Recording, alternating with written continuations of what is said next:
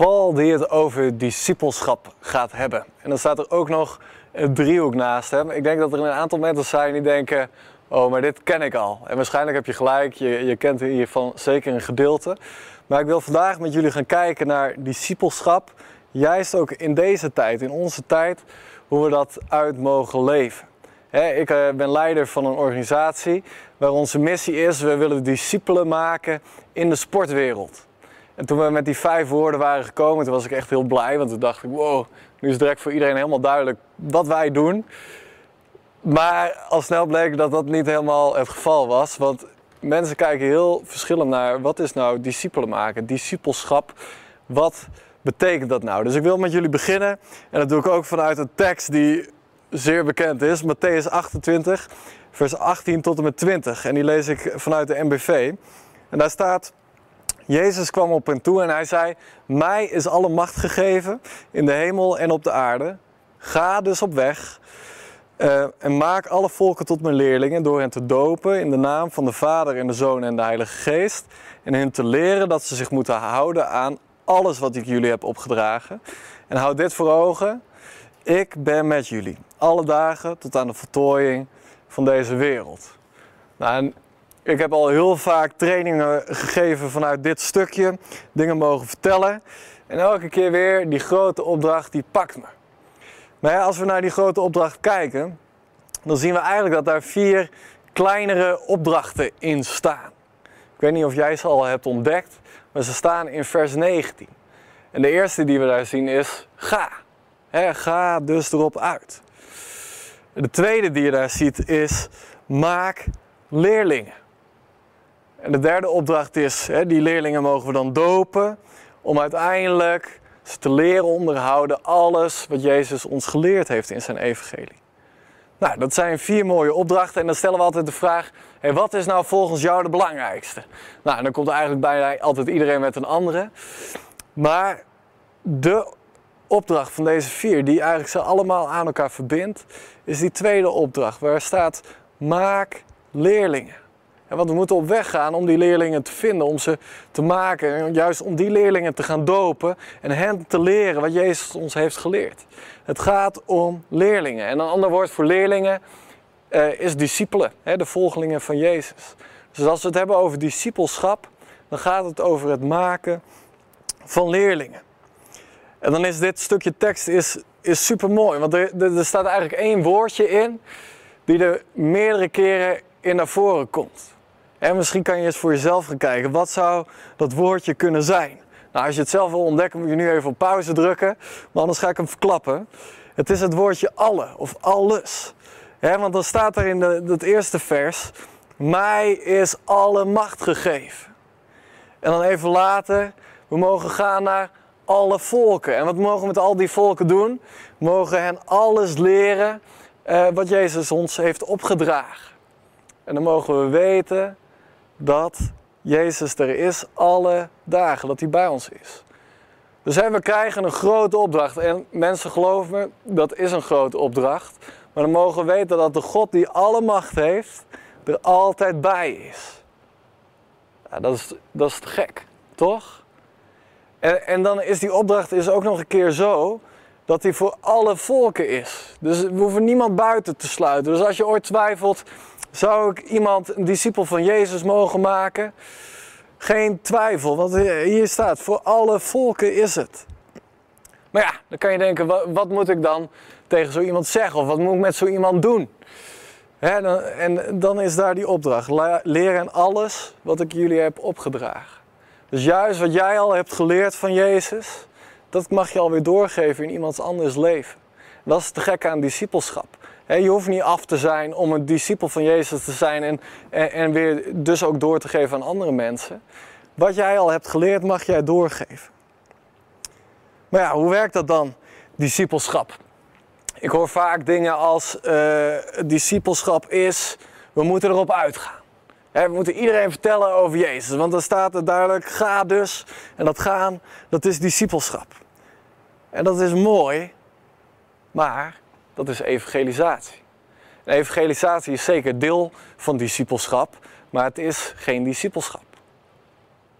En of dan hoor ik andere mensen die zeggen, we moeten zorg dragen voor mensen. Hè? Voor, voor, voor onze medebroeders en zusters is het belangrijk dat waar de pijn is, dat er herstel komt. En dan bedenken we programma's en, dan doen we dingen voor hen. Dat is discipelschap. Nou, het is zeker mooi en waardevol en heel belangrijk. Maar het is geen discipelschap. En dan zijn er anderen die zeggen, we moeten informatie geven wat er in die Bijbel staat. Want als mensen dat toch gaan pakken, hè, als we vertellen hoe dat moet, ja, dan, dan gaan ze, gaat hun leven veranderen. Hè, we geven informatie en dan komt er innovatie. Het is hoeveel kerken werken in ons land, over de hele wereld. Hè, iemand die spreekt en dat moet je leven veranderen. Dat is mooi en dat is waardevol. Maar, je raadt het al, dat is geen discipelschap, dat is onderwijs. En het hoort ook wel bij discipelschap. Maar ik denk, als we het hebben over discipelschap, dan gaat het ten diepste over relaties. En laat mij het uitleggen wat ik daarmee bedoel. want Jezus geeft ons de opdracht om leerlingen van Hem te maken. En hij heeft dat zelf eigenlijk voorgedaan met twaalf mannen die hij heel dicht bij zich nam. Drie waar hij nog intiemer mee was, nog, nog heel wat mensen daaromheen, waar hij ook in investeerde. Uh, en Jezus vertelde zijn discipelen niet alleen wat ze moesten doen. dus hij zei van, uh, uh, als iemand iets nodig heeft, dan mag je dat geven. Of als iemand ziek is, dan mag je daar genezing in uitspreken. Nee, hij liet het ook zien. Dus Jezus zei niet alleen maar, zo moet het. Hij gaf niet alleen maar informatie, maar hij deed het ook daadwerkelijk voor. En daardoor konden ze hem nagaan doen. Dan konden ze gaan imiteren, imitatie. En vanuit die imitatie, doordat ze het zelf gingen ervaren met vallen en opstaan, want hè, zo werkt discipelschap. Je bent niet ineens af, er, er gebeurt van alles. Veranderen en gaan ze steeds meer lijken op Jezus. Innovatie. Nou, een van de dingen die Jezus ons voordoet, als het gaat over relaties met mensen, uh, die belangrijk zijn in discipelschap, uh, staat in Lucas 6. En dat wil ik even met jullie lezen. Ik heb hier mijn touwtje mooi tussen gedaan. Lucas 6, vers 12. Er staat: Op een van die dagen trok Jezus zich terug op de berg om te bidden.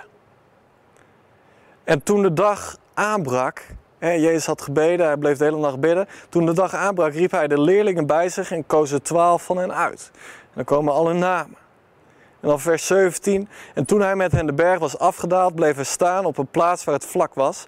Daar had een groot aantal van zijn leerlingen zich verzameld, dus hij had nog meer leerlingen. Evenals een menigte mensen uit heel Judea, Jeruzalem uit de kuststreek van Tyrus en Sidon. Dus wat leren we hier van Jezus als het gaat over relaties? Dus in eerste instantie dat Jezus die berg op gaat. Hij gaat naar boven toe om zijn relatie met zijn vader te verdiepen. Zijn bovenrelatie en als hij dat moment heeft gehad en hij, uh, uh, de dag breekt aan, dan gaat hij naar zijn leerlingen toe. En hij kiest er twaalf uit waarin hij investeert. Jezus uh, is ons grote voorbeeld, die kon er al twaalf aan. En, en binnen. hij heeft mensen waarmee hij optrekt, die er ook voor hem zijn, maar waarin hij ook heel duidelijk investeert. Zijn binnenrelaties. En dan komen ze met z'n allen die berg af. En dan staat er ineens een hele menigte die iets van hem wil, die iets nodig heeft, die ergens naar dorst. En dat noemen we buiten. Buitenrelaties. Juist waar, waar, waar, waar ze samen op, uh, op uit mogen gaan. En als je naar deze relaties kijkt, dan kan je ze ook combineren. Dus je kan bijvoorbeeld zeggen, uh, binnen en boven. Wat gebeurt er als je een heleboel christenen uh, op God gaat richten. Ja, dat is mooi. Dan gebeuren gekke dingen. Ik denk dat heel veel kerken zo zijn ingericht. Van, hè, we zijn met God bezig, met elkaar en we, investeren in elkaar. Maar ja, als je niet uitkijkt, dan wordt het op een gegeven moment uh, passief. Want je hoeft niet zo nodig, want het is er goed uh, en God is er. Dus we moeten erop uit. Hè? Dat zegt de grote opdracht ook, we moeten op weg gaan. Dus we gaan naar buiten toe. Maar ja, wat nou als je buiten en boven dan alleen gecombineerd hebt? dan heb je een avontuurlijke plek, want hè, dan is God daar aanwezig en niet-christenen die gaan er iets van meemaken en wow, er gebeurt van alles. Maar ja, als je niet uitkijkt, dan ga je op een gegeven moment ontdekken dat je daar in je eentje staat. Dan wordt het, wordt het, wordt het moeilijk, omdat je eigenlijk niemand om je heen hebt met wie jij ook jouw dingen kan delen. Dus ja, dan kan je zeggen, nou, de, binnen en buiten, hè, we moeten die twee hebben. Hè, dan, dan heb je mensen om je heen, te gek, en je investeert ook weer in andere mensen. Maar ja, je hebt God er buiten gelaten, dus het wordt eigenlijk een sociale plek. Als het gaat over discipelschap en als het gaat over relaties, dan geloof ik dat al deze relaties met elkaar in balans moeten zijn. Dus dat je in alle drie moet investeren. En daar ligt een uitdaging. En juist ook in deze tijd ligt die uitdaging. En ik wil dat eigenlijk uitleggen aan de hand van cijfers. Ik ga mezelf namelijk eens becijferen. Als ik eh, voor de coronacrisis kijk hoe mijn bovenrelatie was, dan, dan zou ik dat een, uh, een 7 hebben gegeven. Dus ik, uh, mijn relatie met God was goed. ik had, had gewoon mijn tijd met hem in de kerk, maar ook wel voor mezelf. Was prima. Maar ja, toen kwam de coronacrisis en toen, toen veel meer in mezelf gekeerd. Maar ja, daardoor ontstond eigenlijk heel veel ruimte om meer tijd in God te steken. Dus ik merkte echt dat het afgelopen jaar bidden, bijbel lezen, die fundamentals van mijn geloof, dat die zijn gegroeid. Dus die zou ik eigenlijk nu een 8 geven. Nou, dat is wel positief. Goed begin, toch? Uh, maar dan naar binnen kijken. Ik denk dat ik voor de coronacrisis dat een, uh, een 8 zou geven. Ik had veel groepen waar ik uh, in mocht bewegen, waar ik in mensen mocht investeren, waar ze in mijn leven mochten praten. Dat was heel goed. Maar als ik daar nu naar kijk, en als ik eerlijk ben, dan denk ik eerlijk gezegd dat ik dat nu een 4 moet geven. Heel veel mensen waar ik in die tijd mee optrok, die zie ik eigenlijk nu nauwelijks meer. Of heb ik al maanden niet meer gezien, sommigen misschien al wel een jaar niet meer, omdat ik ze niet meer in de kerk daadwerkelijk tegenkom. Ik heb daarin wel een manier gevonden om toch nog voor mezelf het daarin goed te hebben. In een triade waar, waarin ik met, mannen mag optrekken, merk ik wel dat ik zelf nog gevoed word. Dus misschien is het ergens ook wel weer hoger, maar, maar wat was, dat is echt wel een 4 geworden. Nou, en dan mijn buitenrelaties. Ja, die had ik eh, vorig jaar een 7 gegeven. Dus ik uh, stapte erop uit, stapte op mensen af, was goed. Misschien niet altijd even dapper, maar wel in, in relatie uh, wel, wel sterk. En als ik daar nu naar kijk, met hoeveel mensen ga ik nog daadwerkelijk om die Jezus nog niet persoonlijk kennen, of die daar nog, uh, nog heel jong in staan, ja, dan moet ik dat echt een 3 geven op dit moment. we, we, moeten binnen blijven. En ja, wat, wat ga je dan doen met de tijd die je wel met mensen doorbrengt? Dan ga je eigenlijk naar de mensen toe waarbij je je op je gemak voelt, hè, die, die, uh, die jou ook wat geven. Uh, waar je je comfortabel voelt. Vooral binnen, merk ik bij mezelf. Onze relaties met mensen staan onder druk. Dat is wel waar ik de laatste tijd echt achter kom. Die relaties staan onder druk en dat is een serieus probleem. Want wij als christen, als discipel van Jezus, zijn niet bedoeld om alleen maar in relatie met God te staan. We zijn bedoeld om ook in relatie met mensen te staan. Om in elkaar te investeren, elkaar op te bouwen maar juist ook in mensen die hem nog niet kennen te investeren en hen te geven. Want wat, is een wereld, wat is een maatschappij als de christenen hun plek niet meer innemen en uitdelen van wat zij ontvangen hebben? En dat merk ik ook heel erg in mijn eigen leven. Juist nu die buitenrelaties op een lager pitje staan. Ik merk dat ik zelf ook tekort kom daarin. Want oh, wat leer ik toch veel van mensen die Jezus nog niet of nauwelijks kennen of daar net in aan het bewegen zijn. Ik heb dit nodig en ik denk dat wij dit nodig hebben. Want de discipel van Jezus zijn betekent dat we van elkaar mogen leren. Nou, wat kan jij doen? Ik wil het eigenlijk gewoon heel praktisch gaan maken. Ga de driehoek maar eens voor jezelf tekenen en ga maar eens jezelf cijfers geven. En daar is één ding in, je mag jezelf geen zesje geven. Dus dan wordt het een vijf of een zeven. Dus ga maar eens scherp kijken. En ga dan, dan, dan maar eens over nadenken van hé, hey, waar wil, wil je groeien? Ik heb voor mezelf besloten van hé, hey, ik moet dit echt weer gaan oppakken. Ik kan me niet verschuilen achter mijn voordeur. Ik moet weer naar buiten stappen. Nou, en dan kan het zijn, hè, zoals mij, dat je wil gaan investeren in een persoon. En dan, dan nog deze twee dingen. Van, hey, staat die persoon daadwerkelijk open voor jou en het evangelie wat je komt brengen? En uh, wil deze persoon ook moeite doen om met jou af te spreken? Nou, dan kan het zomaar eens zijn dat je in die persoon mag investeren. Maar ja, aan de andere kant, en dat ken ik vanuit mijn eigen leven, soms mag je juist ook wel in de mensen investeren die helemaal niet zo makkelijk zijn om in te investeren. Waar het je juist heel veel moeite kost. Waar je echt buiten je comfort moet gaan.